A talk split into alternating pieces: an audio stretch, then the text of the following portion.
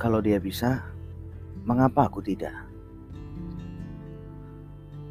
Pernah satu waktu para dokter olahraga mengatakan bahwa batas kecepatan lari manusia adalah 4 menit dalam satu mil. Manusia tidak mungkin mampu menempuh satu mil lebih dari 4 menit. Seorang dokter bahkan mengatakan bahwa jika manusia lari lebih dari batas kecepatan itu, jantungnya akan pecah karena dipacu terlalu cepat. Roger Bannister berlatih untuk menolak anggapan para dokter itu. Dia akhirnya berhasil memecahkan rekor menempuh jarak 1 mil dengan waktu 3 menit 59,4 detik. Segera setelah peristiwa ini, orang mengatakan bahwa Bannister bukan manusia biasa. Ia superhuman. Tidak seorang pun mampu mengungguli dia. Tetapi satu bulan kemudian, John Landy, pelari Australia, menempuh jarak itu dalam waktu yang lebih pendek. Setelah itu, banyak orang berhasil menempuh jarak satu mil kurang dari 4 menit. Salah satu penjelasan tentang keberhasilan ini adalah teori modeling.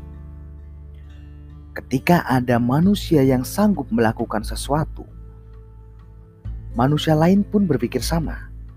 Mereka berpikir, bila orang lain mampu, mengapa mereka tidak? Nah, implementasi teori modeling itu tentu saja harus kita pupuk untuk prestasi yang terhormat. Tidak dibenarkan agama dan akal bila kita berkata, "Kalau yang lain bisa korupsi, kenapa aku tidak?" Atau, "Kalau yang lain bisa naik pangkat dengan suap dan kolusi, kenapa saya tidak?" Di dalam Al-Quran menuturkan semangat perlombaan itu dengan sebuah ayatnya yang indah. Untuk tiap-tiap umat di antara kamu, kami berikan aturan dan jalan yang terang. Sekiranya Allah menghendaki, niscaya kamu dijadikannya satu umat saja. Tetapi Allah hendak menguji kamu terhadap pemberiannya kepadamu.